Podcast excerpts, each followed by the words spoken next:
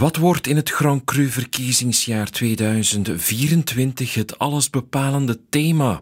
Vraagt Stavros Kelepouris zich af in de morgen. De kans is groot dat één verkiezingsthema alle andere overschaduwt. Migratie, veiligheid, confederalisme. Altijd zal het in wezen gaan om één basisbehoefte: bestaanszekerheid. Het Europese voorzitterschap van ons land biedt de Belgische ministers de kans om zich in de kijker te spelen op het Europese toneel. Maar helpt hen dat ook bij de verkiezingsslag in eigen land? Dat is een vraag die Stefan Michielsen dan weer wil beantwoorden in de tijd. Het korte besluit: als politicus win je met een excellent Europees rapport nog geen nationale verkiezingen. We krijgen één dag extra dit jaar, donderdag 29 februari. Een schrikkeldag, want het is een schrikkeljaar, weet Dirk Hendricks in de Gazet van Antwerpen. Maar 2024 dreigt behalve een schrikkeljaar ook een verschrikkelijk jaar te worden. De democratie in de VS staat onder druk en dichter bij huis woeden twee oorlogen en dan is er nog het klimaat.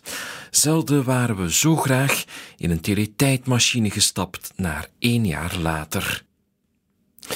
Dat we met 2023 een woelig jaar hebben afgesloten, is een understatement, vindt Pieter Lessaffer in het Nieuwsblad.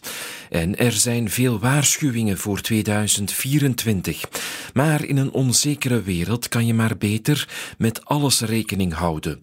Dat betekent ook niet dat er geen hoop is, maar geen naïeve hoop. 2024 wordt beter dan 2023, maar het zal niet vanzelf gaan. In de standaard schrijft Ruben Mooiman over de lagere energiebehoefte in ons land. Zuinig met energie omspringen is goed, maar een structurele daling van de vraag kan wijzen op een dieperliggend probleem. Want een groot deel van de verbruiksdaling komt voor rekening van de industrie. Als dat komt doordat multinationals minder in België produceren, is dat slecht nieuws. Het zou betekenen dat ons land minder aantrekkelijk wordt als industriële productielocatie.